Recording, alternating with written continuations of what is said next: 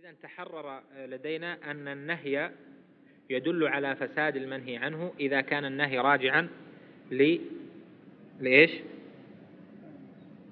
بعينه ركنه شرطه وصفه اللازم. قال بعض العلماء وهو مذهب الحنابلة أو لأمر خارج عنه لا عليه. مثل قوله تعالى يا أيها الذين آمنوا إذا نودي للصلاة من يوم الجمعة فاسعوا إلى ذكر الله وذروا البيع.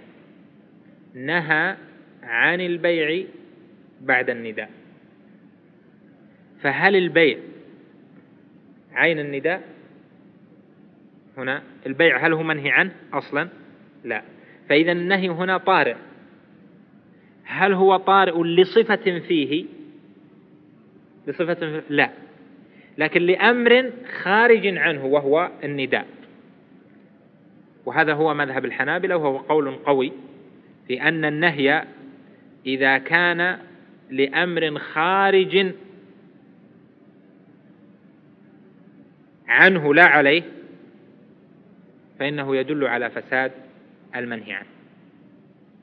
نهى عن البيع بعد الأذان أو حال الأذان فدل على أنه لو حصل تعاقد فسد وهذا مذهب الحنابلة وأما الشافعية فيصححون البيع على هذه الحال. المقصود من هذا أن مثلا في العقود طبعا يدل على فساد المنهي عنه في بعض العلماء ذكرت الآن قول ذكرت قولا يقول أن هناك فرق بين العبادات والمعاملات. فالنهي يدل على فساد المنهي عنه في العبادات. أما في المعاملات فلا يدل على فساد المنهي عنه. ويستدلون على ذلك بقوله طبعا دليل هذه القاعدة ما هو؟ قوله عليه الصلاة والسلام من عمل عملا ليس عليه أمرنا فهو رد. رد يعني مردود باطل. ليس عليه أمرنا بمفهومها أو عليه نهينا ليس عليه أمرنا يعني فعل من غير أمر لم يؤمر بهذا الفعل فعل من عند هوى نفسه صار مردودا باطلا أو فعل ما نهي عنه صار فعله فاسدا باطلا. على كل حال فيها مؤلف أظن أنا إيش سميته لكم؟ تحقيق المراد؟ تحقيق المراد. إيه، لا ذكرت الآن. تحقيق المراد. تحقيق المراد. هذا مطبوع لأن النهي يقتضي الفساد. القاعدة مهمة وفيها خلاف كثير بين العلماء. سؤال على هذه القاعدة في الدقيقتين الباقية؟ لو زوج رجل أو لو زوجت امرأة نفسها بلا ولي فما حكم هذا العقد؟ تزويج المرأة نفسها هذا منهي عنه. فما حكم العقد؟ عقد الزواج. نعم. لما؟ ها؟ يعني الركن ما هو؟ الولي ركن ما هو ركن. يعني تصور. ما هو النكاح؟ عشان تعرف الأركان طبق. ما هو النكاح؟ فسر لي ما لا تستحي ما في بس نعم. ما هو النكاح؟ فسر لي بالعامية يعني كذا بفهم. الاستمتاع بالآخر النبي يفسره لي بطبيعتك كذا لأنها تخرج منها الأركان. رجال مثلا يبي يبي مرة صحيح؟ رجال يبي مرة. يقول لها تقول مثلا المرأة زوجتك؟ يقول نفسي يقول هو قبلت. بهذه حقيقته؟ هذه حقيقته. رجل وامرأة. رجل يريد أن يتزوج امرأة فيزوجه هناك صيغة بينهما. فإذا أركانه ثلاثة. إيش؟ عاقدة قبول وإيجاب والعاقدة صحيح. الولي هنا هل هو في حقيقته؟ لا. ممكن يقع هو يعني يتصور أنه ما يقع يقع. بدون ولي. فالولي خارج عن ماهيته. ولكنه شرط راجع لأحد أركانه. في العقود والله ودي كان عندنا فرصة أعطيكم قاعدة في العقود. يعني بها تفهمون الأركان والشروط للعقود ولو ما استحضرتم كلام الفقهاء فيها. قاعدة عامة بها ممكن تستخرج العقود ترتب الشروط. مثلا الآن عندك هنا صيغة صحيح؟ ورجل يريد أن يتزوج وامرأة. تزوج. طيب. الشروط شروط النكاح تجد أن بعضها راجع للصيغة يعني الشروط كلها لتصحيح الأركان لأن أهم شيء في العقود أن تعرف ما تقوم عليه حقيقة العقد. فعندك هنا زوج وزوجة وصيغة. شروط خاصة بالصيغة مثل ما يقولون أن يتأخر الإيجاب على القبول إلى آخره أن يتأخر القبول عن الإيجاب. والكلام وأن تكون بصيغة كذا أنكحت وزوجت تجد أن الشروط راجعة إلى الصيغة هذا واحد. هناك شروط راجعة لمن؟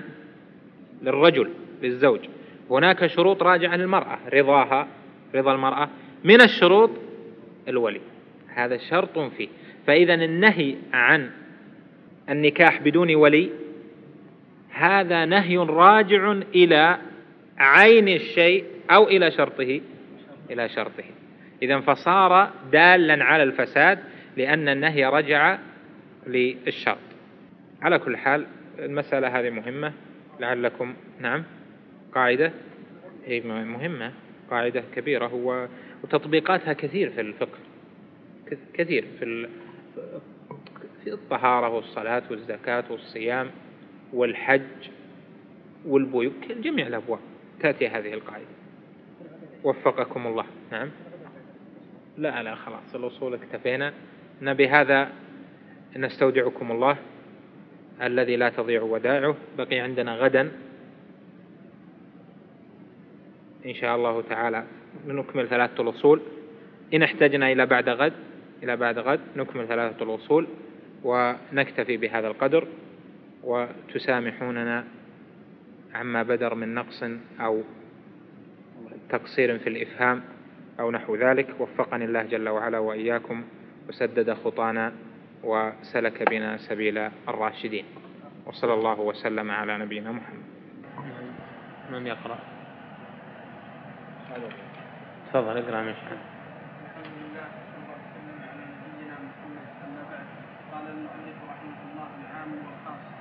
وأما العام فهو ما عم الشيء لإحصائه من قوله عممت زيدا وعمرا بالعطاء وعممت جميع الناس بالعطاء وألفاظه أربعة الاسم الواحد المعرف بالألف واللام واسم الجمع المعرف باللام والأسماء المفهمة كمن في من يعقل وما في ما لا يعقل وأي في الجميع وأين في المكان ومتى في الزمان وما في الاستفهام والجزاء وغيره ولكن نكرات والعموم من صفات النطق ولا يجوز دعوة ولا يجوز دعوى العموم في غيره من الفعل وما يجري مجراه والخاص مقابل العام والتخصيص تمييز بعض الجملة.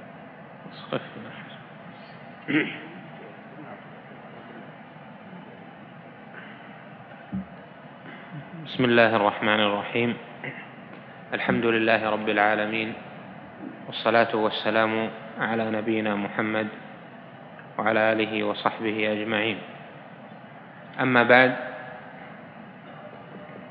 فهذا الكلام عن العام والخاص أو العموم والخصوص. ومبحث العام والخاص أو مبحث العموم والتخصيص أو مبحث ألفاظ العموم والمخصصات هذا من مهمات مباحث الأصول.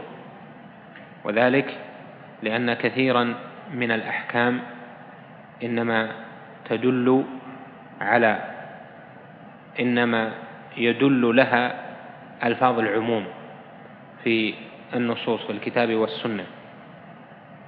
وقد قدم قبل ذلك الكلام على الأمر والنهي والأمر والنهي من عوارض الألفاظ يعني مما يستفاد من اللفظ يستفاد من اللفظ الأمر ويستفاد من اللفظ النهي. وكذلك العام إنما يستفاد من النطق لأن كما قال هنا من صفات النطق أو من عوارض الألفاظ يعني لا عموم في الأفعال إنما يكون العموم فيما يستفاد من الأقوال. ولذلك فصيغ العموم صيغ العموم هذه صيغ قولية. هذا الباب باب العام والخاص وكذلك باب المجمل والمبين والمطلق والمقيد ونحو ذلك. هذه كلها من المباحث التي هي ثمرة علم الأصول لأنه هو الذي يستفاد منه. هذه المباحث هي التي يستفاد منها تطبيقيا في فهم دلالات النصوص. أما العام فهو كما ذكر تعريفه في اللغة أنه ما عم شيئين فصاعدا. وهذا التعريف من المؤلف بناء على أن أقل الجمع اثنان.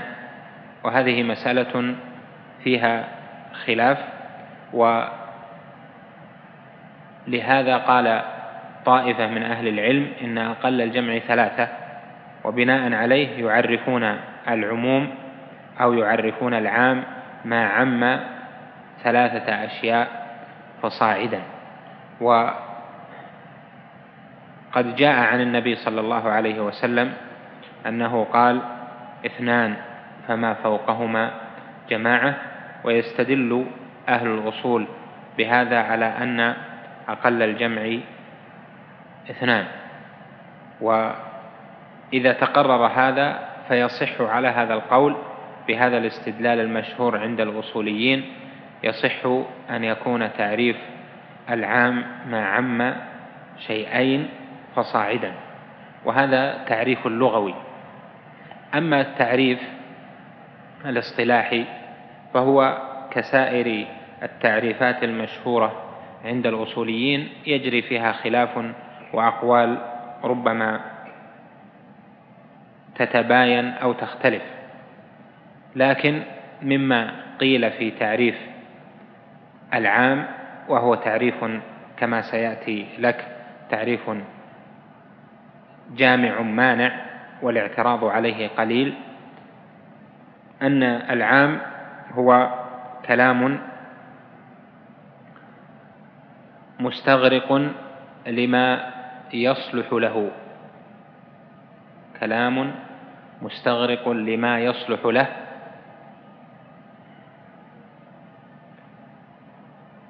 بلا حصر دفعة واحدة.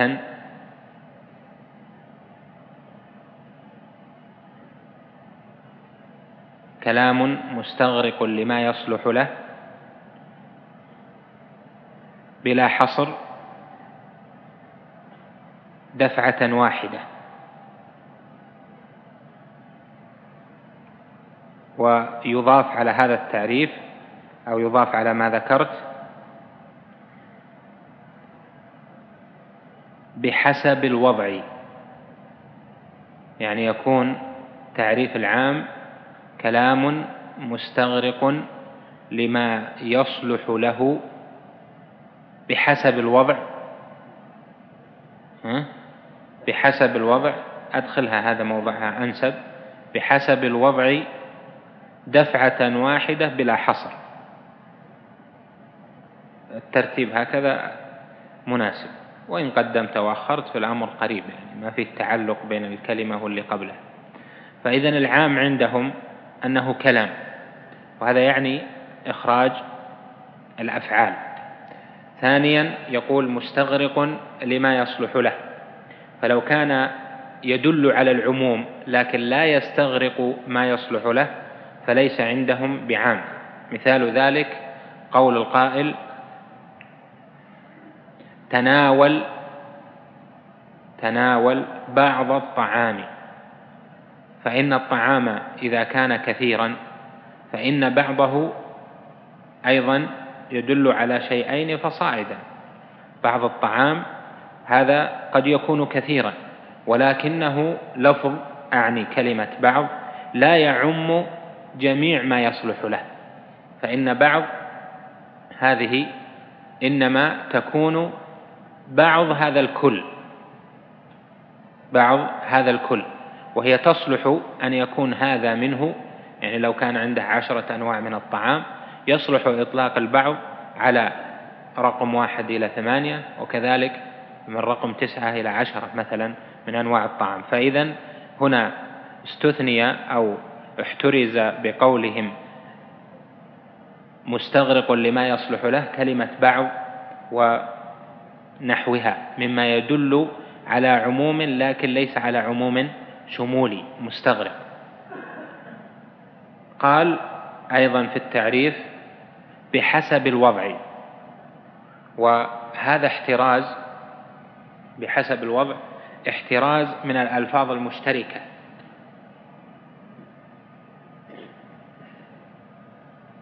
فإن لفظ مثلا عين كما هو مشهور في المثال عندهم كلمة عين هذه تصدق على عين الإنسان وعلى الذهب وعلى عين الماء. فإذا قال قائل عين رأيت عين العين أو مررت بالعين أو نحو ذلك أو لي عين لي عين هل يريد بها عين الباصرة؟ أو يريد بها عين الماء؟ أو يريد بها العين اللي هو الذهب؟ لا يحتمل لفظ عين هذا من الألفاظ المشتركة ليست مش ليست شاملة لجميع ما يدخل تحتها بحسب الوضع وإنما كل معنى وضع له لفظ فوضع للعين الباصرة كلمة عين ووضع لعين الماء كلمة عين ووضع للذهب كلمة عين فإذا الوضع ليس واحدا وإنما متعدد. ولهذا هنا قال لك في التعريف بحسب بحسب إيش؟ بحسب الوضع يعني بحسب وضع واحد لا متعدد. وأحسن تقول بحسب وضع واحد. حتى يكون أوضح التعريف. يعني إذن يكون كلام مستغرق لما يصلح له بحسب وضع واحد. لا وضع متعدد حتى لا تدخل كلمة عين وأشباه ذلك من الألفاظ المشتركة. قال هنا دفعة بلا حصر. دفعة هذا احتراز من المطلق لأن المطلق عام ولكن عمومه بدلي وليس عمومه عموما شموليا. المطلق عام لأنه يصلح أي فرد من الأفراد لما أطلق فيه. لو قال لو قال قائل أنفق ريالا وعندك عشر ريالات ورقية كل واحد كل واحد مستقل يعني ورقة ريال ورقة ريال ورقة ريال فقول القائل أنفق ريالا هذا يصلح. كلمة ريال تتناول الأول والثاني والثالث والرابع لكن تناولها هل هو على سبيل الشمول؟ أم على سبيل البدل؟ على سبيل البدل يعني أنفق ريالا يصح أن يكون الأول أو الثاني أو الثالث أو رقم عشرة. ولهذا كثير من أهل العلم يعبر عن العام يعبر عن المطلق بالعام. وذلك من جهة أن المطلق عمومه عموم بدلي. أما العام الذي نتكلم عليه الآن فعمومه شمولي. ولهذا احترز عن العموم البدلي الذي هو المطلق بقوله في التعريف دفعة واحدة. دفعة واحدة. فمعنى قوله دفعة يعني مرة واحدة. أما العموم البدلي اللي هو المطلق فإنه ليس دفعة واحدة ولكن دفعات هذا أو هذا أو هذا أو هذا. إذا قلت أنفق كل الريالات. أنفق كل ريال معك. وقال آخر أنفق ريالا. تلحظ أن قوله أنفق كل ريال لفظة كل هذه من ألفاظ العموم هذه تفيد إنفاق الجميع بهذه الكلمة دفعة. يعني هذا اللفظ يتناول جميع الريالات من أول ما تسمع كلمة كل. أما لو قلت أنفق ريالا فإنه لا يتناولها دفعة واحدة تناول الأول أو الثاني أو الثالث ليس مرة واحدة. بمعنى أنه لو أنفق الجميع في المطلق حينما قال القائل أنفق ريالا ما صار ممتثلا لقوله أنفق ريالا لأنه لم يقل أنفق الجميع. قال أنفق ريالا فلو أنفق العشرة أو أنفق خمسة صار مخالفا للأمر.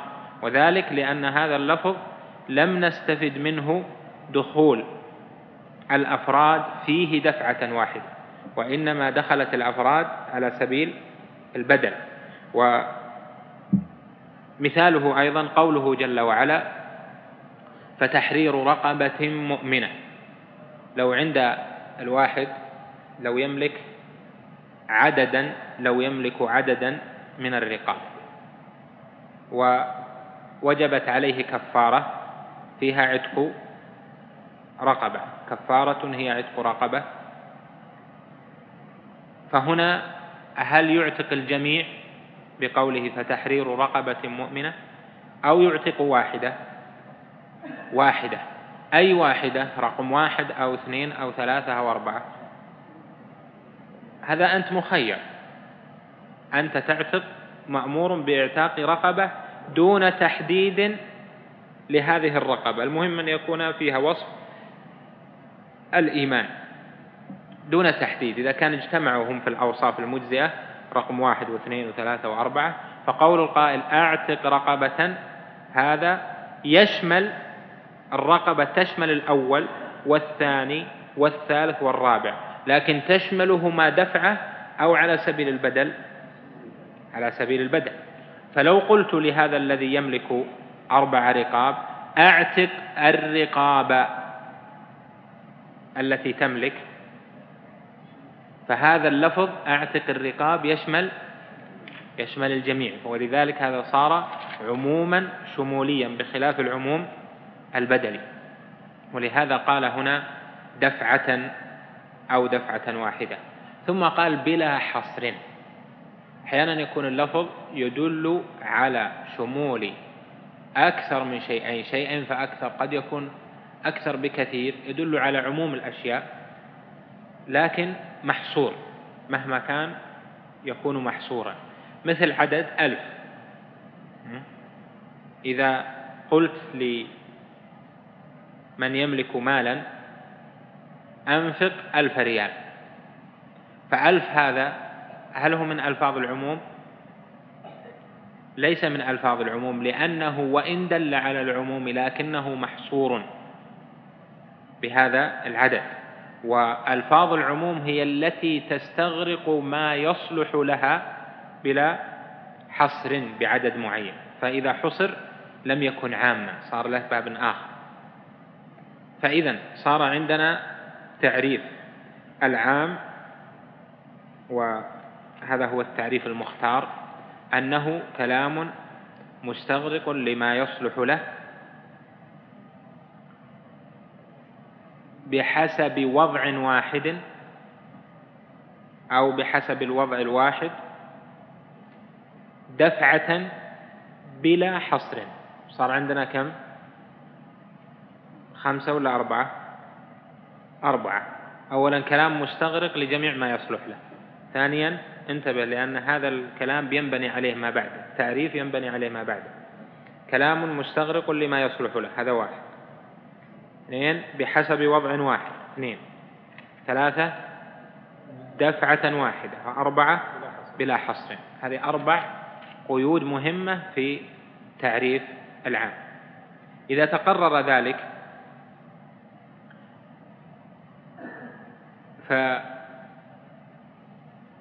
فالصحيح عند الأصوليين أن العام له ألفاظ تخصه.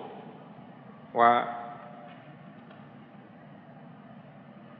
العموم مستفاد من الألفاظ. فما هي هذه الألفاظ؟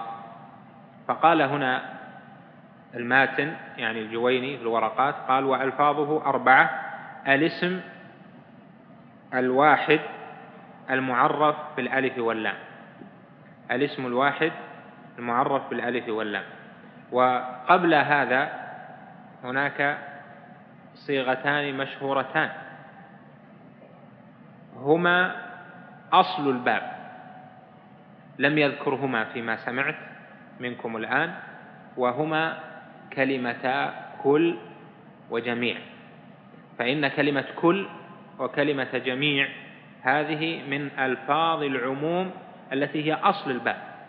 حتى إن كثيرا من العلماء قالوا إن كلمة كل وجميع ظاهرتان في العموم وهما أظهر الباب في العموم. وقال آخرون إن كلمة كل نص في العموم وكلمة جميع ظهور في العموم. وهذا مهم أن نبينه لك وهو أن العموم الذي سنستفيده من الألفاظ القادمة ضربان نص صريح في العموم وظهور في العموم. يعني عام عمومه ظاهر وعام عمومه نصي. أما العام الذي عمومه نصي هو الذي لا يخرج من أفراده شيء. وهذا هو الذي قيل إنه مستفاد من كلمة كل وأيضا يستفاد من النكرة في سياق النفي أو النهي أو الشرط أو الاستفهام إذا سبقت بحرف جر زائد مثل من. كما في قوله تعالى ما لكم من إله غيري قال جل وعلا اعبدوا الله ما لكم من إله غيره. فأصلا النكرة في سياق النهي أو في سياق النفي أو في سياق الشرط أو في سياق الاستفهام تعم. وعمومها ظاهر. عمومها ظاهر. يعني النكرة إذا كانت في سياق أحد هذه الأربعة نستفيد منها الظهور في العموم. إذا سبقت النكرة بحرف جر زائد نقلت العموم من ظهوره إلى نصيته. فما الفرق بين النص والظاهر؟ هذا من مباحث الأصول مبحث النص ومبحث الظاهر. وهنا يريدون بقولهم أن النص في العموم أو التنصيص الصريح في العموم والظهور في العموم أن النص هو ما لا يخرج شيء من أفراده. والظهور في العموم ما يحتمل خروج شيء من أفراده. يحتمل خروج شيء من أفراده لكن هذا الاحتمال يكون ضعيفا. أما النص فلا يخرج شيء من أفراده. اعبدوا الله ما لكم من إله غيره. هذه العبارة هذا هذه الآية أستغفر الله وأتوب إليه نفهم منها أن لا يمكن أن يكون هناك فرد من أفراد الآلهة يعبد. لا يمكن. اعبدوا الله ما لكم من إله غيره. النكرة هي كلمة إله. أتت في سياق النفي وهو كلمة ما لكم. ما هذه نافية؟ أتت بعدها إله. لو لم تأتي كلمة من ما لكم إله؟ ما لكم إله؟ صارت صارت ظهور في العموم. لما أتت من نقلت هذا العموم من ظهوره إلى كونه نصا صريحا في العموم. إذا تقرر هذا لك في الفرق بين النص في العموم والظهور في العموم فإن أصل هذا الباب هو كلمة يعني من ألفاظ العموم هو كلمة كل وجميع. وكل وجميع باتفاق أنهما يدلان على الظهور في العموم. وقال بعضهم في كلمة كل كما ذكرت لك إنها تفيد التنصيص الصريح في العموم. ومثال ذلك في قوله تعالى الله خالق كل شيء. الله خالق كل شيء. فأفادنا هذا أن الله جل أن الله جل وعلا خالق خالق جميع الأشياء. خالق لكل ما يسمى بأنه شيء. طبعا هذا يستثنى منه شيء وهو الله جل وعلا وأسماءه وصفاته وأفعاله. فقوله هنا الله خالق كل شيء يعني كل شيء مخلوق كل شيء ممكن كل شيء يقبل ذلك. فلا يدخل فيه أسماء الله جل وعلا وصفاته. ولهذا أبطل قول المعتزلة في الاستدلال بهذه الآية. قال جل وعلا في سورة النمل في قصة بلقيس وأوتيت من كل شيء ولها عرش عظيم. وأوتيت من كل شيء هنا يعم جميع الأشياء. لكن هل كان عندها عرش سليمان؟ ألا يدخل في الأشياء؟ يدخل فيه ولكن ليس لم يكن عندها عرش سليمان. فإذا وأوتيت من كل شيء يعني عموم الأشياء التي تكون عادة عند الملوك. فإذا هنا تنتبه إلى أن كلمة كل جميع كما ذكرنا في التعريف مستغرق لما يصلح له. ذكرنا في التعريف أن العام كلام مستغرق لما يصلح له. ولهذا بهذا القيد نخرج من نخرج كثير من نخرج كثير من هذه الإيرادات مستغرق لما يصلح له.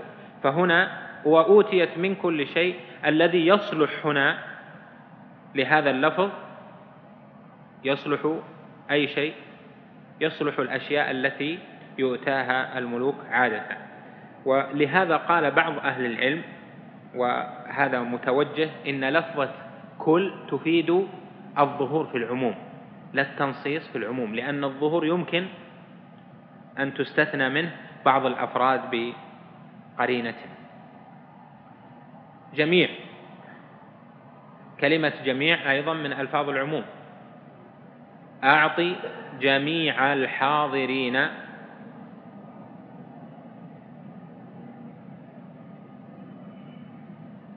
مالا. الحاضرون هل يستثنى منهم أحد بهذا الكلام؟ لا. فكل حاضر يستحق. كل فرد من أفراد الحاضرين يستحق أن يعطى مال. أليس كذلك؟ هذا من أين استفيد؟ استفيد من لفظ جميع. أعطي جميع الحاضرين.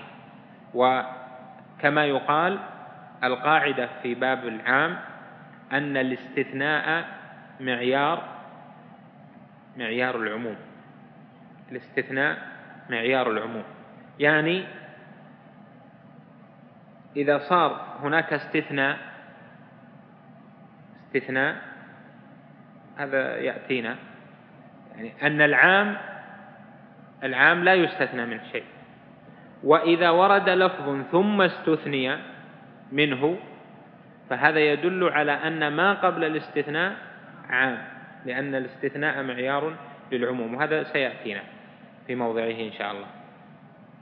والأمثلة لكل جميع كثيرة.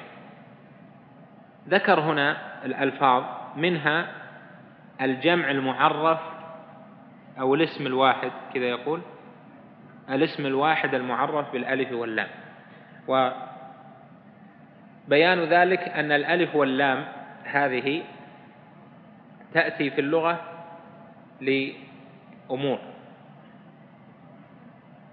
الأول أن تكون الألف واللام للعهد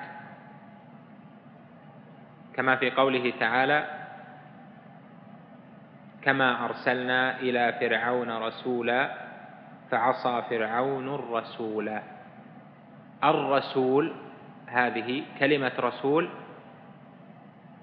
معها كلمة ال. لحرف التعريف هذا. الرسول هنا الألف واللام استفدنا منها أي شيء؟ يعني الرسول المعهود. المعهود في الذهن أو في الذكر؟ في الذكر. قال كما أرسلنا إلى فرعون رسولا فعصى فرعون الرسول يعني الرسول الذي جرى ذكره. فهذا يسمى عندهم معهود ذكري. وقد يكون العهد ذهني. يعني معروف في الذهن معهود في الذهن. وذلك كما في قول النبي صلى الله عليه وسلم استنزهوا من البول فإن عامة عذاب القبر منه. استنزهوا من البول.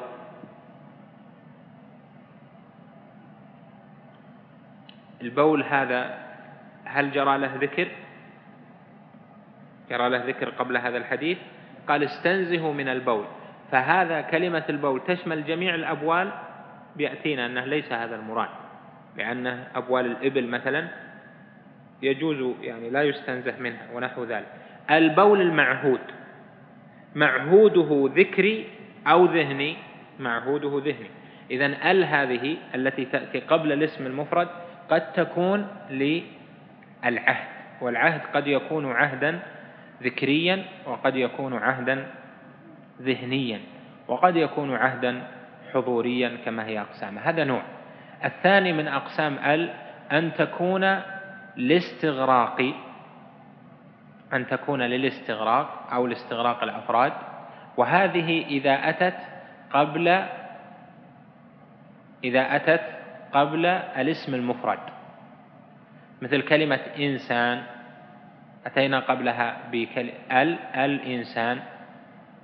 هذه تدل على عموم ما يصلح لهذه الكلمة كلمة إنسان. قال جل وعلا إن الإنسان لفي خسر. كلمة الإنسان هذه نكرة اسم واحد أتى قبلها كلمة ال. فهذا يدخل فيها بعض الإنسان ولا كل الإنسان؟ كل الإنسان. ولهذا قالوا ضابط ال هذه أنه يصح أن يجيء بعدها كل أن يجيء مكانها كل. فإذا صح أن يجيء مكانها كل صارت ال هذه الاستغراقية لاستغراق الجنس أو لاستغراق الأفراد. هنا إن الإنسان لفي خسر يعني إن كل إنسان لفي خسر إلا الذين آمنوا وعملوا الصالحات. وكما ذكرنا أن الاستثناء معيار معيار العموم. فلما استثنى دل على أن ما قبله يراد به العموم.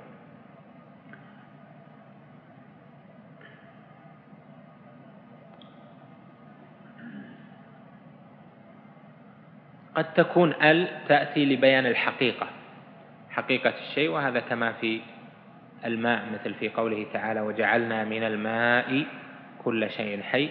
هذا ليس عهديا ولا لاستغراق أفراد الماء ولكن لبيان الحقيقة. الذي يهمنا من هذه الأقسام الثلاثة القسم الثاني وهو أن ال إذا صارت قبل الاسم المفرد فإنها تفيد العموم. وهنا بحث وهو أنها قد تكون قبل الاسم المفرد ويكون المراد بها العهد. فكيف نفرق بين هذا وهذا؟ وهذه مسألة مهمة في التطبيق في تطبيق القواعد الأصولية على النصوص أو الفروع كيف تستنبط. هنا نقول إن ألفاظ العموم كما فهمنا من قبل أنها تستفاد من اللغة. يعني كيف علمنا أن كل من ألفاظ العموم أن الألف واللام من ألفاظ العموم هذه كلها من من اللغة فإذا هي في ذلك حقائق لغوية أليس كذلك؟ وقد قدمت لكم في الدرس الماضي اللي هو من أشهر أن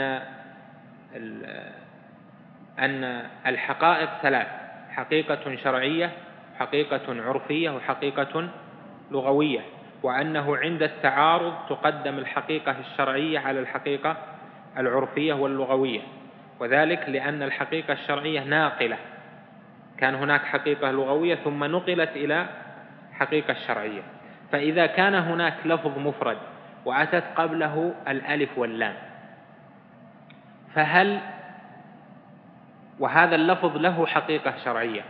فهل نحمله على المر... على أن المراد به العموم أو نقول مراد به العهد الشرعي؟ هذه مسألة بحث. وعلى الصحيح الذي قدمناه الذي هو مذهب جمهور أهل العلم أن الحقيقة الشرعية مقدمة فمعنى ذلك أن المفرد الذي قبله ألف ولام وله حقيقة شرعية لا نستفيد منه العموم وإنما نأخذ منه الحقيقة الشرعية. مثال ذلك وكما يقال بالمثال يتضح المقال قول النبي صلى الله عليه وسلم في الصلاة تحريمها التكبير وتحليلها التسليم.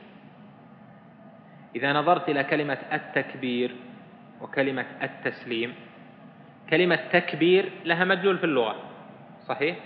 دخلت عليها الألف واللام التكبير. هذا يشمل كل نوع من أنواع التكبير. أليس كذلك؟ لأن ألف واللام قبل الاسم المفرد تستغرق. يصح أن يدخل ضمن هذه الكلمة لغة قولك أو قول القائل الله الكبير أو الله كبير. نعم؟ أو الله الأكبر. كل هذه تصلح لأنها كلها داخلة في التكبير. لكن هنا هل نأخذ على أن الألف واللام هذه للعموم لأجل هذا لأجل اللغة أم نقول هنا تعارض العموم المستفاد من اللغة مع الحقيقة الشرعية وهو أن التكبير له لفظ شرعي معروف فنقول تقدم الحقيقة الشرعية؟ فنقول هنا صحيح الألف واللام هي لما أتت معرفة للمفرد فهذا يدل على العموم لغة ولكن لما كان هذا الاسم المفرد له معنى في الشرع فصارت الألف واللام هذه للعهد الشرعي. فلهذا مذهب عامة العلماء الذين يقدمون الحقيقة الشرعية على اللغوية هؤلاء يجعلون قوله تحريمها التكبير هذا إنما يكون التكبير الذي عرف في الشرع وهو قول الله أكبر. فلو قال قائل الله الكبير أو الله الأكبر ونحو ذلك من الألفاظ لم يكن قد دخل في التحريم. ظاهر؟ مثلها تحليلها التسليم. تحليلها التسليم مثلها التسليم يقول السلام عليكم. وعليك السلام. هذه داخلة في التسليم. ومثل سلام عليك سلام عليكم. فهذه كلها داخلة فيها لغة. لكن هل هو المراد بقوله وتحليلها التسليم؟ نفس البحث السابق. صحيح أن كلمة تسليم أتى قبلها الألف واللام وأنها تدل على العموم اللغوي لكن هنا عارضتها الحقيقة الشرعية وهو أن التسليم له معنى في الشرع. وهو قول السلام عليكم ورحمة الله. قول المصلي في آخر الصلاة السلام عليكم ورحمة الله هذا هو المعروف بكلمة التسليم شرعا. ولهذا يحمل على هذا. وهذا من المواطن المهمة جدا في هذا الباب. ولهذا كثير من الناس ربما ما أدرك مدارك الأحكام لأجل هذا فعد ما يعم عد ال تعم وهي لا تعم وهي في مسائل كثيرة معروفة وفي أدلة كثيرة حصل فيها نزاع الآن بعد ذكر هذا نرجع إلى الأصل وهو أن الألف واللام إذا أتت قبل الاسم الواحد أو اسم المفرد أو الاسم المفرد المعرف بالألف واللام هذا يدل على العموم. ما مثاله؟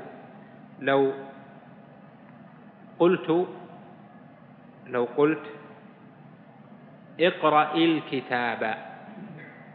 لو قلت اقرأ الكتاب. أو أوضح من ذلك اشتري الكتابة اشتري الكتابة وكان الكتاب رحمك الله وكان الكتاب من عدة مجلدات. كان الكتاب مثلا مثل فتح الباري 13 مجلد أو 14 فاشترى 12 مجلدا. فهل اشترى الكتاب؟ لما؟ لأن قول الآمر للمأمور اشتري الكتاب يعني به كل الكتاب. ومثل ما ذكرت لكم أن الضابط حلول كلمة كل مكان مكان ألف اشتري الكتاب يعني الكتاب هذا اشتري كله لا تشتري بعضه اشتري كله. لو قال قائل لعبده مثلا مثل ما يمثلون أحيانا. إذا حفظت القرآن فأنت حر. إذا حفظت القرآن فأنت حر. كلمة القرآن هنا متى يكون حرا؟ إذا حفظ تسعة وعشرين جزءا يكون حرا؟ لا لا يكون حرا. من أين الدليل؟ أنه قال القرآن. وكلمة القرآن هي من كلمتين. الألف واللام أتت على المفرد وهذا يدل على عموم. يستغرق إيش؟ ما يصلح له. القرآن اللي هو القرآن المعروف. ظاهر لكم؟ وبالمناسبة كذلك يعم الألف واللام التي قبل الجموع. صحيح أن الجمع مستفاد أن العموم مستفاد من صيغة الجمع لكن إذا أتى قبلها الألف واللام استفدنا منها أيضا العموم. مثل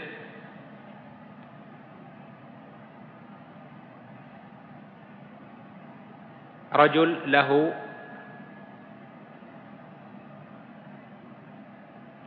ثلاث سيارات مثلا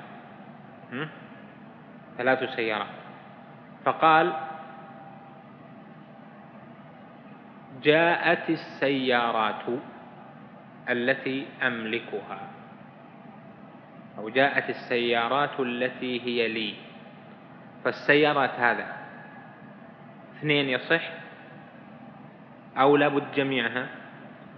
لابد الجميع لأنه قال السيارات. فهذا يشمل جميع السيارات ما لم يستثني. رجل له أصدقاء عدد من الأصدقاء عشرة ولا خمسة كذا. فقال جاءني الأصدقاء. هذا يدل على جميع أصدقائه ما لم يستثني. وهكذا. فإذا الجمع إذا أتى قبله الألف واللام فإن هذه هو مستفاد من الجمع ولكن ال التعريف هذه أيضا أفادته قوة.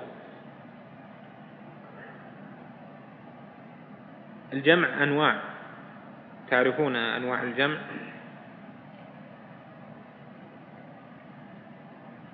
هناك الاسم المعرف بالألف واللام الاسم المفرد المعرف بالألف واللام.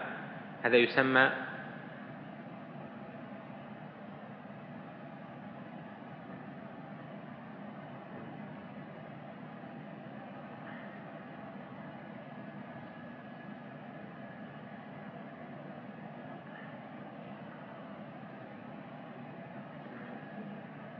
لا ما هو اسم جنس جمعي. نترك تسميته لأن أظن ما له اسم. آه، هناك اسم جمعي اسم جمع وهناك اسم جنس جمعي وهذه بدون الألف واللام. يعني هناك اسم جمع وهناك اسم جنس جمعي وهناك اسم جنس وهناك جمع وهناك جمع وهناك مفرد مفرد. أتت قبله الألف واللام اللي نتكلم عنه فصار دالا على الجمع. الأول اسم جمع. اسم الجمع هذا هو ما لا واحد له تعريفهم له. هذه كلها مفيدة في العموم. اسم الجمع ما لا واحد له من لفظه ومعناه معا. ما لا واحد له من لفظه ومعناه معا. قد يكون من معناه قد يكون من لفظ طبعا من معناه لكن من لفظه ومعناه معا ليس له واحد. فهذا يسمى عندهم اسم جمع. مثل كلمة إبل. إبل مفردها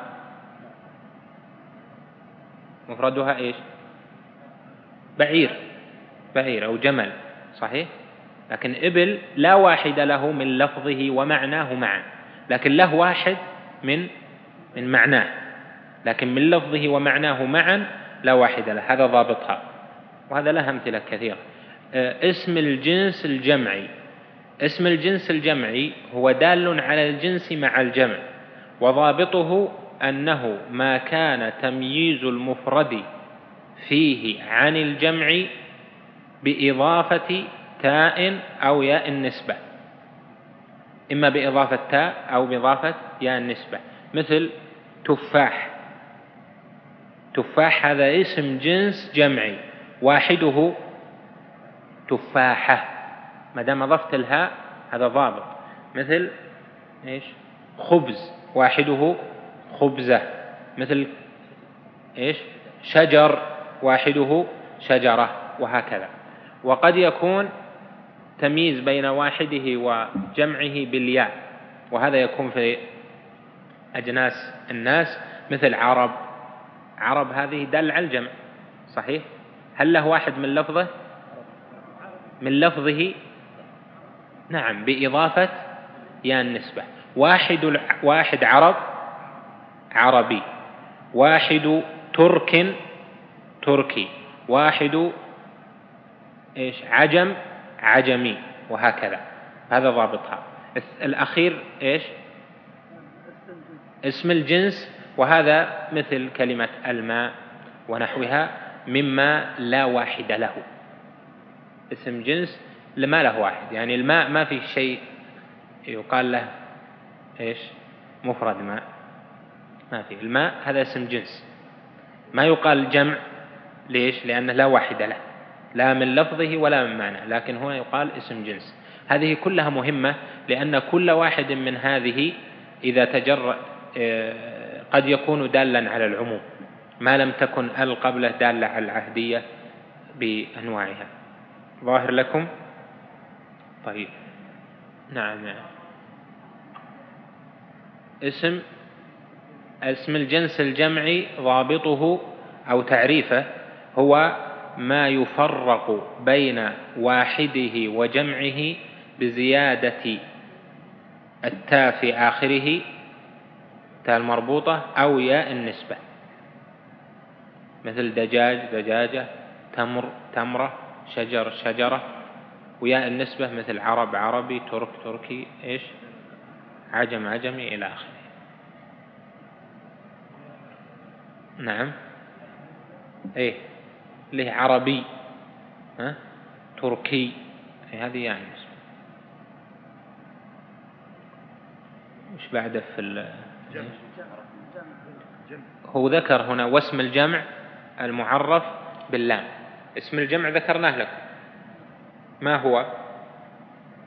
ما لا واحد له إلا مثل مثل إبل. يعني مثلا قول النبي صلى الله عليه وسلم في الإبل في الإبل ها؟ أو قال نعم في الإبل في سائمتها كذا.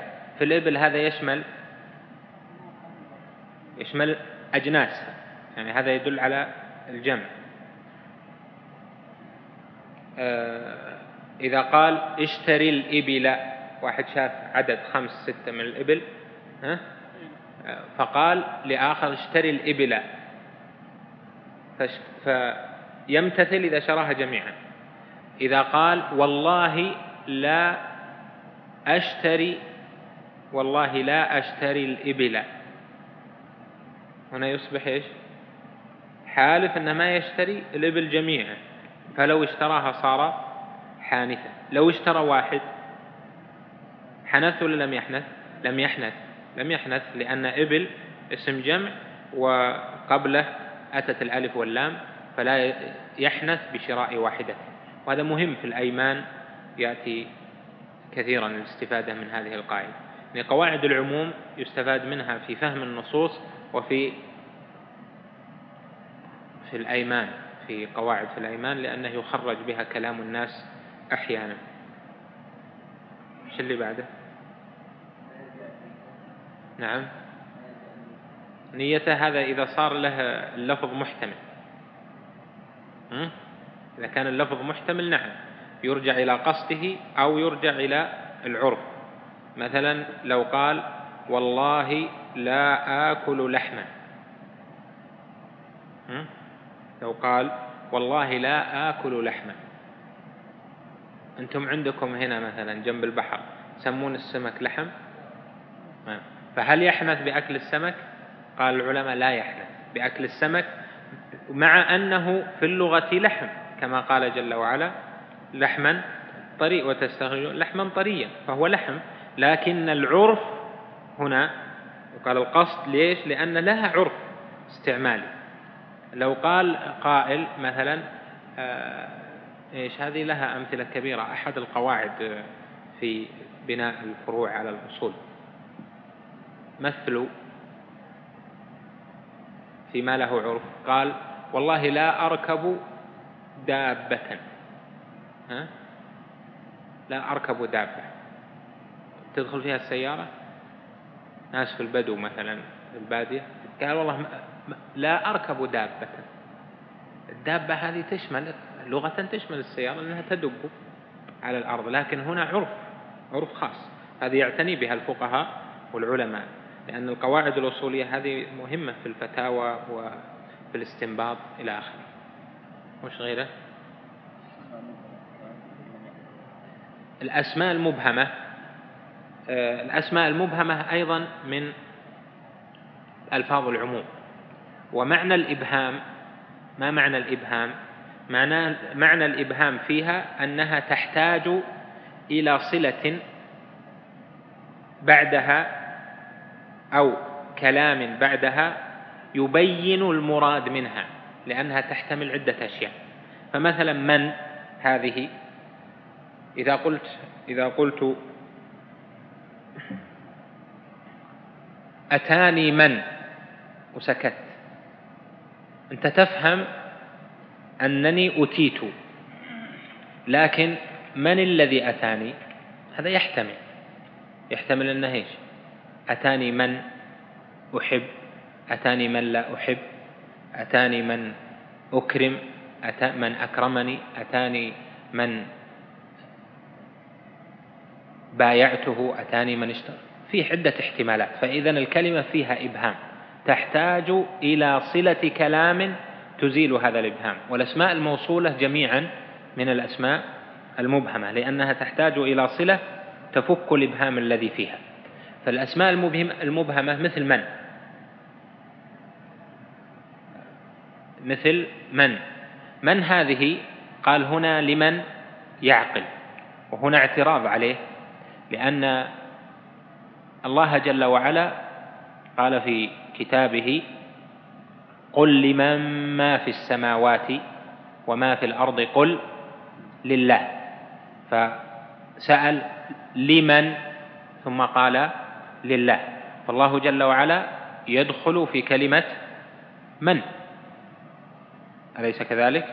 ولذلك نقول لا يجوز أن يقال من لمن يعقل لأن الله جل وعلا لا يوصف بالعقل لأن هذا لم يرد في الكتاب ولا في السنة بل هو بل لم يدعي أحد أن الله جل وعلا يوصف بالعقل. ولهذا المدققون من العلماء في النحو يقولون من لمن يعلم؟ لمن يعلم. أما يعقل فلا. إذا كان كذلك فمن تأتي؟ يعني في الأصول في الأصول تأتي دالة على العموم إذا كانت اسما موصولا. دالة على العموم إذا كانت اسم استفهام. دالة على العموم إذا كانت اسم شرط. الظاهر أطلت في التفصيل شوي عشان الوقت. فما رأيكم نختصر ولا على طريقتنا؟ أخشى يطول اللي يسجلون وش رأيهم؟ تفصيل أحسن.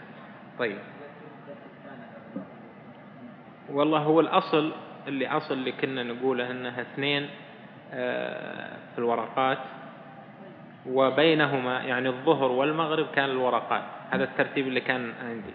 والعصر للأصول أو العكس أو اثنين المهم اثنين للأصول. واحد لمسائل الجاهلية لكن رتبوها نمشيها المرة على ما رتبت. وإن أحببتم أن تكون الأصول أكثر فهو أولى حتى نستمر ونمشي. إيش؟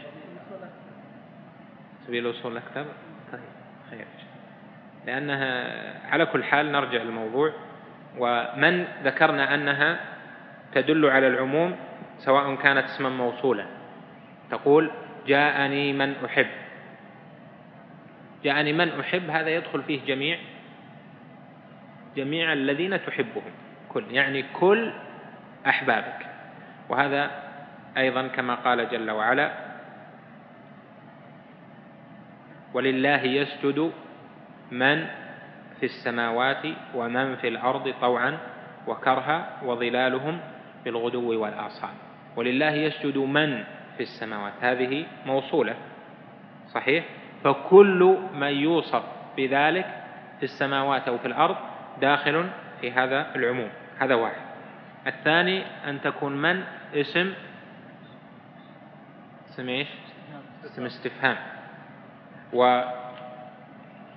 ومثلا لو قال لو سئلت من في الدار؟ قلت محمد. من هذه دالة على العموم؟ وهنا أورد إشكال على هذا الكلام وهو أن الجواب صار بواحد. من في الدار؟ فقال محمد. فكيف تدل على العموم مع أن من دخل فيها واحد لا غير. هذا سؤال معروف عند الأصوليين وجوابه أنه لا ينظر في ذلك إلى الجواب. جواب السؤال. وإنما السؤال وقع من السائل طالبا أن يخبر عن جميع من في الدار. من في الدار هو من حيث السؤال يريد الكل لا يريد البعض. فإذا صلاحية اللفظ لجميع الذين هم في الدار اللفظ يصلح. فإذا هو لفظ يدل على عموم الكائنين في الدار. كونه لم يكن في الدار إلا واحدا هذا ليس لأجل من؟ وإنما هذا الذي حصل. يعني لو كان في الدار مئة مئة رجل فجواب السائل بقوله من في الدار من في الدار؟ جوابه يكون بتعداد المئة. فيها فلان وفلان وفلان وفلان إلى أن يتم المئة. لو عد تسعة وتسعين يكون مجيبا على السؤال بتمامه؟ لا. وذلك لأن اللفظ سؤال به عن الجميع. مثل قول الله جل وعلا من ذا الذي يشفع عنده إلا بإذنه. من ذا الذي يشفع عنده إلا بإذنه؟ فهذا سؤال يصلح للجميع. يعني يشمل الملائكة. هل تشفع الملائكة عنده إلا بإذنه؟ الملائكة تشفع بغير إذن الله؟ لا. الصالحون يشفعون؟ لا. الأحجار؟ لا الأحجار لا تدخل في من؟ آه، إيش؟ الأنبياء العلماء الناس لا يمكن. لا أحد يشفع إلا بالإذن ولذلك من ذا الذي يشفع عنده إلا بإذنه يستدل بها أهل العلم بالتوحيد على أن شفاعة على أن الشفاعة عند الله جل وعلا لا تكون لأحد مهما كان مقامه حتى الملائكة المقربون وحتى الأنبياء المنتخبون المصطفون وحتى الصالحون إلا من بعد أن يأذن الله. استدلالا بهذه الآية قوله من ذا الذي يشفع عنده إلا بإذنه ووجه الاستدلال أن من من ألفاظ العموم. من تكون للشرط أيضا. يعني الأمثلة كثيرة في الكتاب والسنة وفي الكلام. آه، من للشرط. تقول مثلا من جاءني أكرمته. من كتب لي أعطيته. من أعطاني محبرة فله دينار. تعرفون القصة هذه؟ من أعطاني محبرة فله دينار. من أعطاني محبرة فله دينار. هذه اسم شرط. هذه تسمى اسم شرط. وهي دالة على العموم. دالة على العموم. يعني كل واحد يعطيه محبرة يعطيه دينار. من جاءني أكرمته. كل واحد يأتيه سيكرمه. فهنا من تصلح للجميع.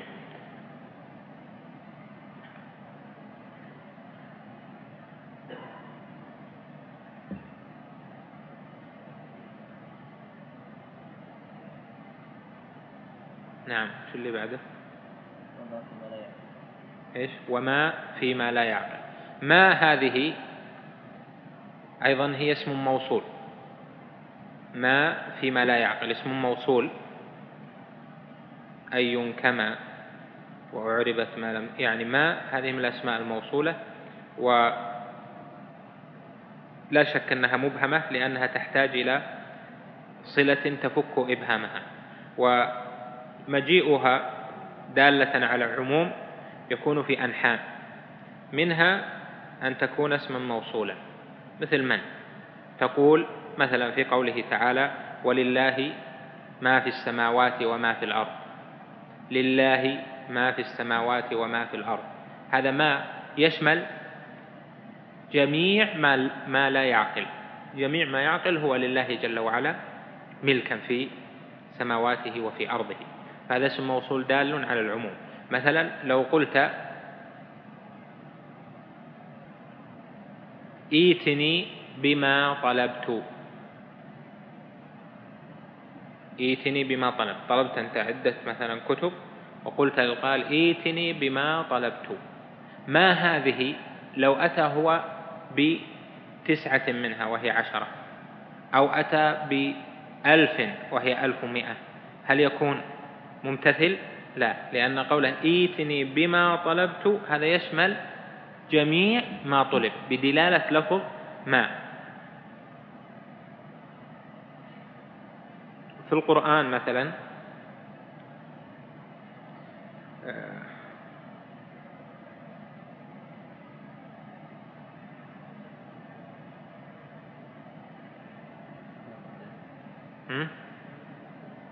ما عندكم ينفد وما عند الله باق. ما هذه موصولة ليس كذلك؟ الذي عندكم ينفد وما عند الله باق والذي عند الله باق. هذا يستثنى من شيء. هنا ما عندكم ينفد كل ما عندكم ما تملكونه فإنه إلى النفاد وما عند الله جل وعلا فهو فهو للبقاء يعني من الأجر والجنة ونحو ذلك.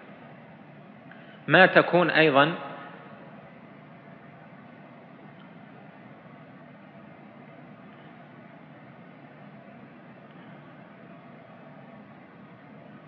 هذه ذكرنا ما إيش؟ اسم اسم موصول.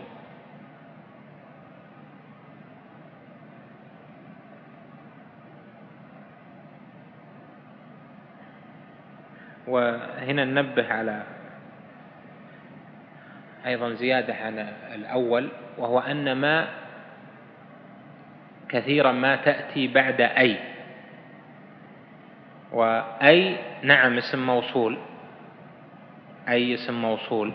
لكن هو نبه على أي هنا؟ أتى بأي؟ زين. أي اسم موصول؟ مثل ما ذكرت لكم من قول ابن مالك أي كما وأعربت ما لم تضف وصدر وصلها ضمير حذف. فما تأتي مع أي كثيرا. وإذا أتت مع أي فيقوى العموم المستفاد لأنه هنا مستفاد من أي ومستفاد من كلمة ما. وذلك مثل قوله جل وعلا قل ادعوا الله أو ادعوا الرحمن أيما تدعو فله فله الأسماء الحسنى. أيما تدعو هذا أتت بعد أي كلمة ما. فهذا على عموم العموم مستفاد من ما ومن كلمة أي أيضا. نعم من أي يستفاد عموم كما سيأتي في موضعه مثل قول الله تعالى أو شاهده قوله تعالى ثم لننزعن من كل شيعة أيهم أشد على الرحمن عتيا. أيهم هذا يصدق على كل واحد. هنا قوله تعالى أيا ما تدعو يصدق على الرحمن أو الله لأنه قال قل ادعوا الله أو ادعوا الرحمن أيا ما تدعو.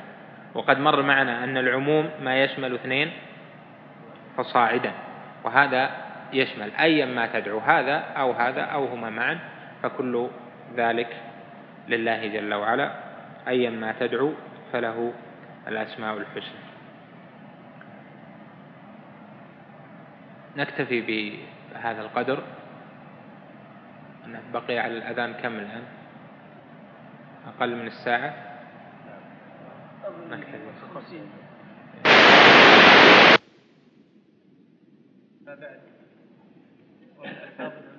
قال قال المؤلف رحمه الله عليه وما في الاستفهام والجزاء وغيره ولا في النكرات والعموم من صفات النطق ولا تجوز دعوى العموم في غيره من الفعل وما يجري مجراه. شلون شلون؟ وما في الاستفهام والجزاء وغيره ولا في النكرات والعموم من صفات النطق. لا وما فيما لا يعقل. ها؟ هنا ما. وأي ما ذكرنا. وأي في الجمع في الجميع. وأين في وأين في المكان ومتى في الزمان إيه. وما في الاستفهام والجزاء وغيره. ولا في النكرات والعموم من صفات النطق. والعموم. والعموم من صفات النطق. ولا تجوز دعوى العموم في غيره من الفعل وما يجري مجراه. اقرأ. بسم الله والحمد لله والصلاة والسلام على رسول الله. قال المؤلف رحمه الله. والأسماء لا أعيد الكلام. والأسماء المبهمة. كمن في من يعقل وما في ما لا يعقل. وأي في الجميع وأين في المكان. ومتى في الزمان وما في الاستفهام والجزاء وغيره. ولا في النكرات. والعموم من صفات النطق ولا يجوز دعوى العموم في غيره من الفعل وما يجري مجراه.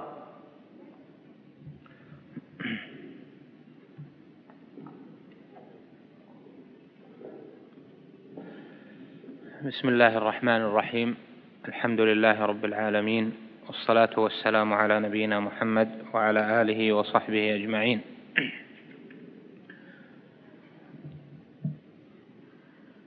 اللهم علمنا ما ينفعنا وانفعنا بما علمتنا وزدنا علما وعملا يا أرحم الراحمين.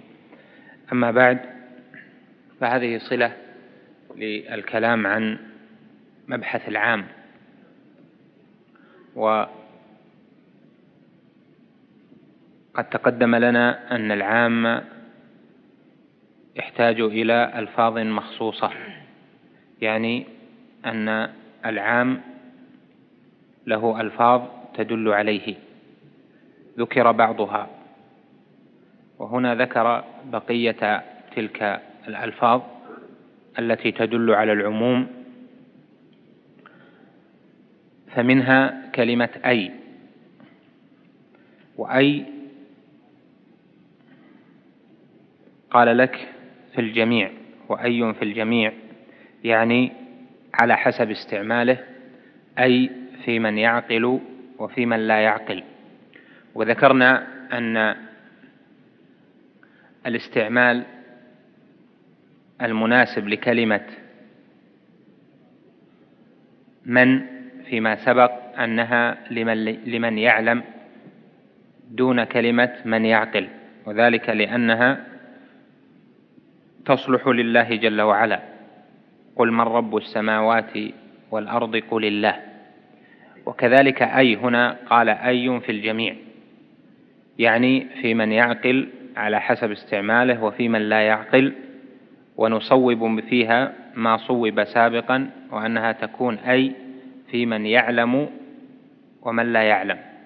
وإذا قلت من يعلم ومن لا يعلم أو من لا يعقل يصح ذلك أيضا. لكن هي أي في من يعلم ومن لا يعلم ومن لا يعقل. وذلك لأنها أطلقت على الله جل وعلا وشملت بعمومها الله جل وعلا كما في قوله قل أي شيء أكبر شهادة؟ قل الله. وكما في قوله قل ادعوا الله أو ادعوا الرحمن أيا ما تدعو فله الأسماء الحسنى. وهذا يدل على دخولها في على دخول اسم الله جل وعلا وعلى دخول أسمائه في كلمة أي. وإذا تكون في من يعلم وفي من لا يعلم أو من لا يعقل. أي هذه من ألفاظ العموم سواء قصد بها الاستفهام كقول الله تعالى أي الفريقين خير مقاما وأحسن نديا. وكقول القائل أي الرجال في الدار. هنا هذه للعموم. أي الفريقين مع أنهما فريقان لكن صلاحية أي أنها تستغرق لكل ما يصلح لها. فقوله أي الفريقين يصلح أن يتناول اللفظ الأول والثاني. وهذا معنى كونها دالة على العموم. وليس ذلك بالنظر إلى الجواب لأن الجواب يكون واحدا من الاثنين. وكذلك لو كانت جماعة فإن الجواب يكون بواحد أو بأكثر. كقوله أي الرجال عندك؟ أي الرجال المهذب؟ هنا أي من حيث تناولها تتناول جميع ما يصلح لها في هذا الموضع يعني تتناول جميع الرجال. لكن هي من حيث الجواب نعم تدل على واحد. إذا فلا اعتراض بأن أي تدل على واحد في الاستفهام مثلا فكيف تكون دعوى العموم فيها؟ والجواب أن ذلك بالنظر إلى أنها تتناوله بمفردها. يعني حين السؤال الكلمة تصلح لجميع ما يدخل فيها من الرجال وليست لواحد بعينه. أي الرجال إذا كان عندنا عشرة أو عشرين أي هذه تشمل الجميع دون واحد بعينه. وهذا معنى دلالتها على العموم. قال سبحانه وتعالى هنا قل ادعوا الله أو ادعوا الرحمن أيما تدعوا فله الأسماء الحسنى. أي تكون مستعملة في الاستفهام كما مثلنا أي الفريقين خير مقاما أي الرجال عندك أي الكتب قرأت أي العقائد أسلم وأعلم وأحكم ونحو ذلك. هذه في السؤال في الاستفهام. تأتي أيضا أي في الشرط. و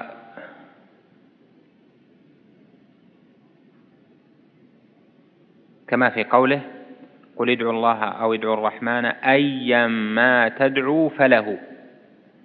فله هذا جواب وقع في جواب الشرط والفاء هذه واقعة في الجزاء بمعنى ذلك أن أي هذه يراد منها الشرط. أيا ما تدعو يعني إن هذا وإن هذا إن دعوتم الله أو دعوتم الرحمن فله الأسماء الحسنى. كذلك تأتي أي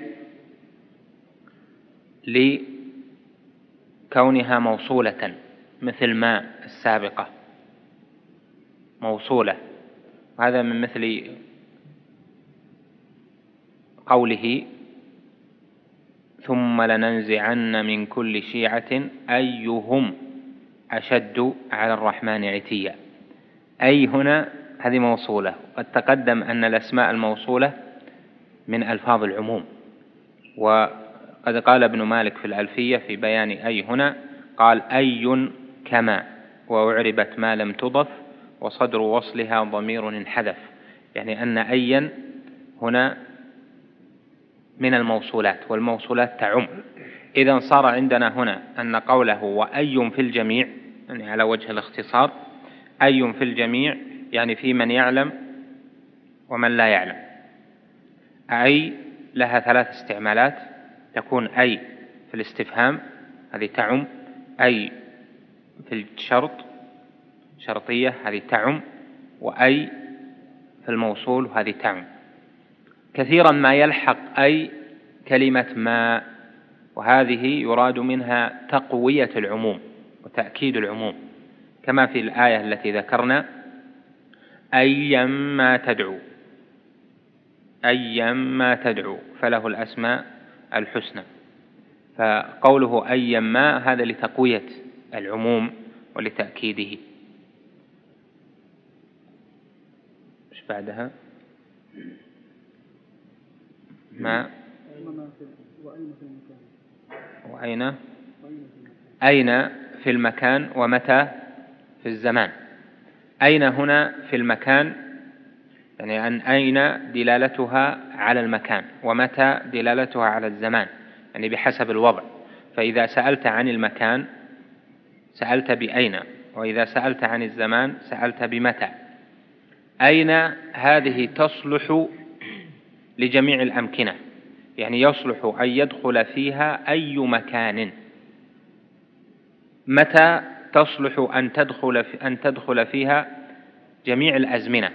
وهذا معنى قوله الأسماء المبهمة. هنا من فيها إبهام؟ ومتى فيها إبهام؟ لكن أين إبهامها في الأمكنة؟ ولذلك تحتاج إلى تتمة لها حتى يبين المراد منها. وأين في المكان تكون عامة في موضعين؟ الأول إذا كانت في الاستفهام كقول القائل أين تذهب؟ يعني هو سأل عن جهة الذهاب ومكان الذهاب. يصلح للجواب بأين؟ أي جهة أي مكان. أين تذهب؟ يصلح أن يقول أذهب إلى الشمال إلى الجنوب إلى الشرق إلى الغرب. يصلح أن يقول أذهب إلى البيت أذهب إلى الحديقة أذهب إلى المسجد أذهب إلى المكتبة. يصلح أن يقول أذهب إلى مكة أذهب إلى الرياض أذهب. إذا فصلاحية أين لجميع الأمكنة؟ هنا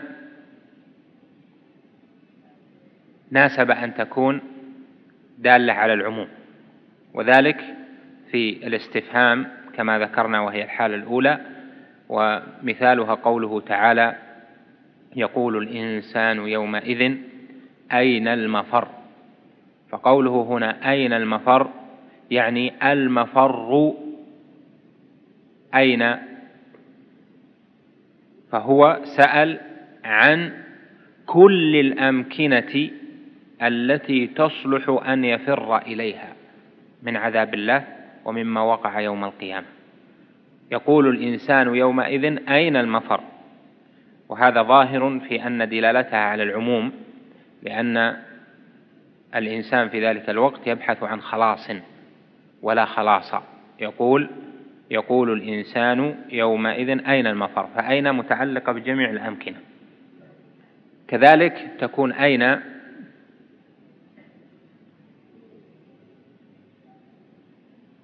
تكون أين؟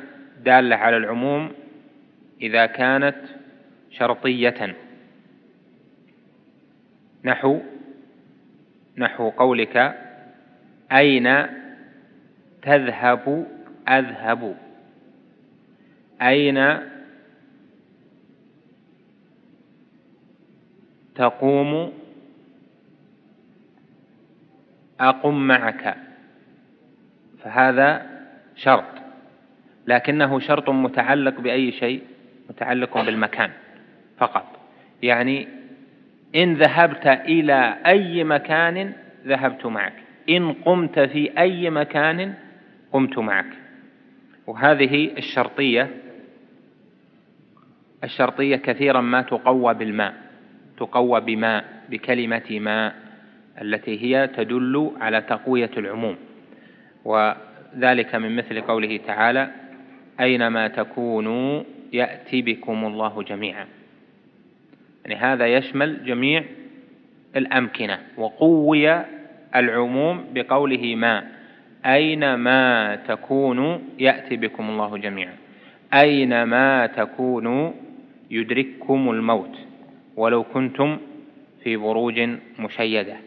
أينما تولوا فثم وجه الله. هذه كلها أين؟ اللي هي شرطية. أينما تولوا فثم؟ دل على كونها الشرطية مجيء الجواب متصل بالفاء التي تتصل بجواب الشرط. أينما تولوا فثم؟ وجه الله. أينما تكونوا يأتي بكم الله جميعا. أصلها يأتي لكن هنا جزمها فدل على أنها جواب شرط. قال أينما تكونوا يدرككم الموت. جزم يدرك وهذا دليل على أنها واقعة في جواب الشرط. وما في هذه الآيات لتقوية العموم وتأكيده. وتقوية العموم لا نعني بها أنها تكون نصا في العموم. لا ولكن عموم مقوى وهو أقوى وأوكد من العموم الذي لم يقوى. ومجيء العموم مقوى كثير بألفاظ التأكيد تارة وبالزيادات تارة. فمثلا من ألفاظ التوكيد كقوله تعالى فسجد الملائكة كلهم أجمعون. هنا الملائكة عام لكن قوى العموم بقوله كلهم وقوى العموم مرة أخرى بقوله أجمعون. وهكذا. لكن هذا غير الظهور والنصية في العموم التي سبق أن أوضحناها لكم. فإذا عندنا في العموم أربع أنواع. عندنا عام وعام مؤكد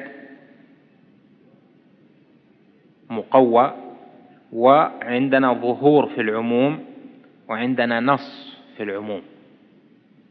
هذه أربع ألفاظ مهمة. كل واحدة لا بد أن تكون في ذهنك متجلية واضحة عن غيرها.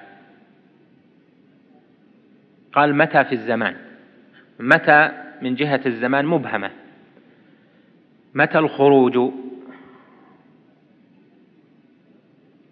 قوله متى الخروج؟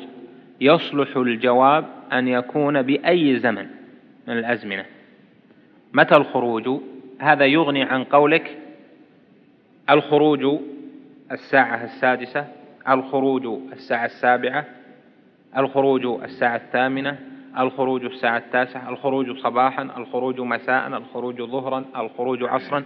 فإذا متى دالة على العموم عموم الأزمنة؟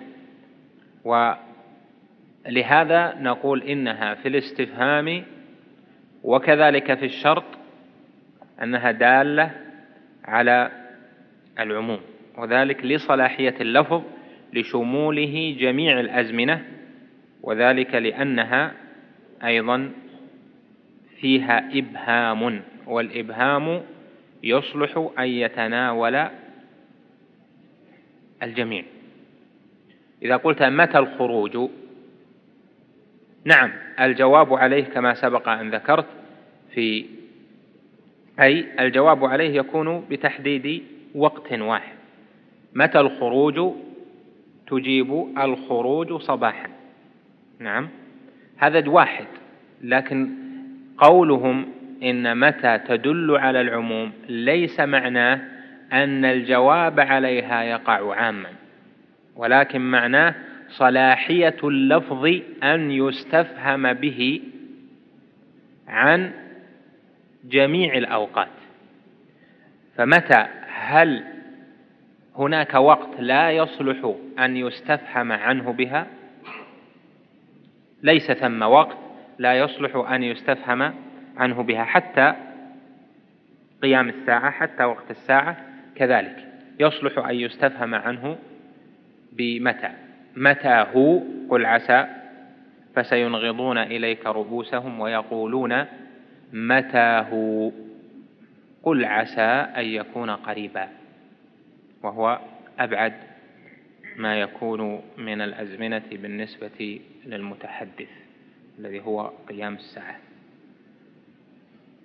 تأتي أيضا إذا هذه الحالة الأولى التي تكون فيها متى عامة اللي هي تكون متى في الاستفهام. إذا في قوله تعالى متى هو هذا يصلح لأي زمن. لما قال تعالى قل عسى أن يكون قريبا هذا معناه أن الساعة يمكن أن تكون في أي وقت من الأوقات التي هي بعد وقت التكلم. بعد وقت التكلم يصلح أن يأتي الجواب. متى هو؟ بعد ساعة بعد يوم بعد يومين. هذا كله يصلح. وهذا لا شك يستفيد منه المفسر في أنه أبلغ في التخويف منها وما يدريك لعل الساعة تكون قريبة.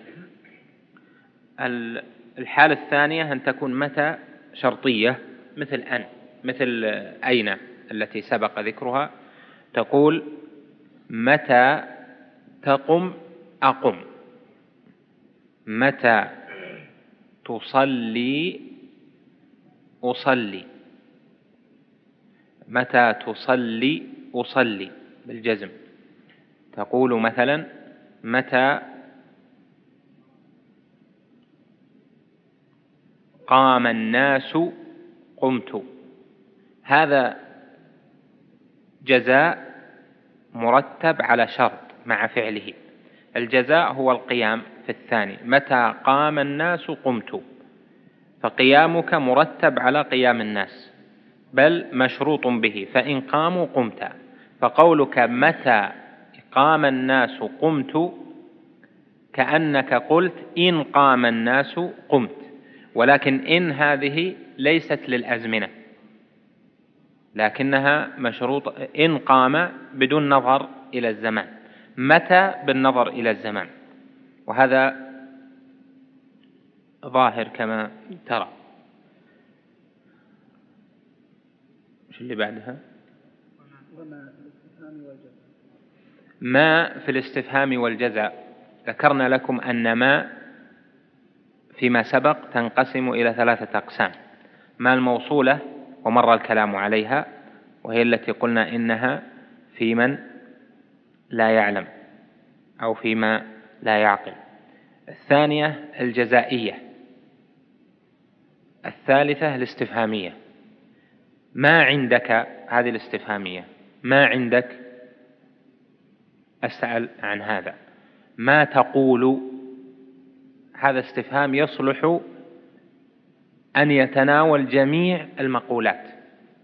ما رأيك في الكتاب هذا يصلح أن يتناول جميع الآراء. هذا معنى الاستفهامية. أما الجزائية